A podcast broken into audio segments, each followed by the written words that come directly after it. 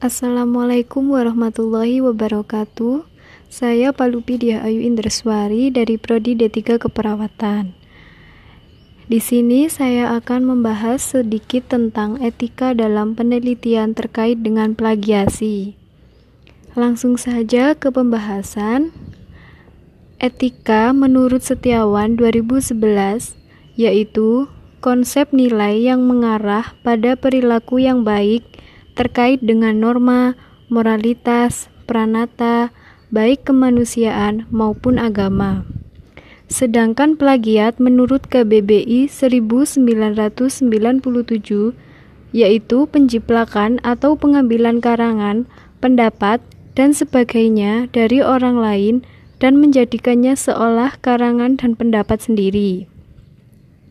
Di sini Plagiarisme menurut Kemendikbud 2012 sampai 2018 juga dimaknai sebagai penjiplakan yang melanggar hak cipta. Adapun bentuk-bentuk plagiarisme meliputi 1. Mencantumkan informasi atau ide tanpa menyebutkan sumbernya. Yang kedua, mencantumkan kata per kata atau verbatim. Yang ketiga, bahkan mengutip tulisan sendiri tanpa menyebutkan sumbernya. Pada intinya, plagiarisme mengacu kepada pemanfaatan hasil karya orang lain yang diakui sebagai hasil karya sendiri tanpa memberi pengakuan kepada penciptanya yang asli.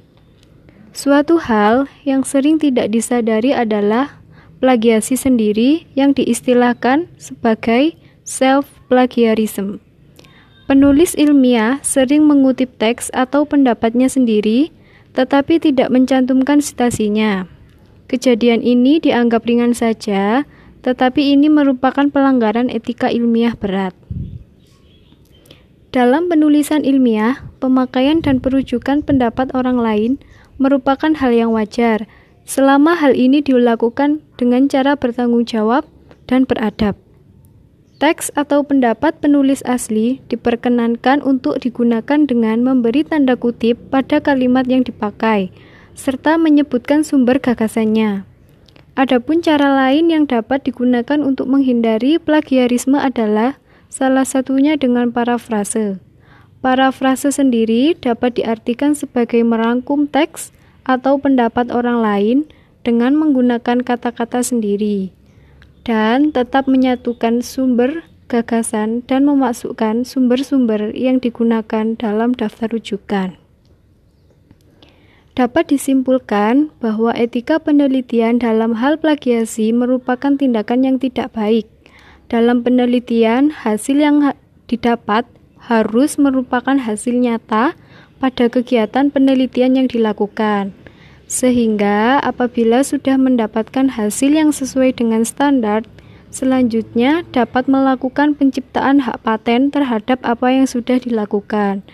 Demikian pembahasan saya. Wassalamualaikum warahmatullahi wabarakatuh.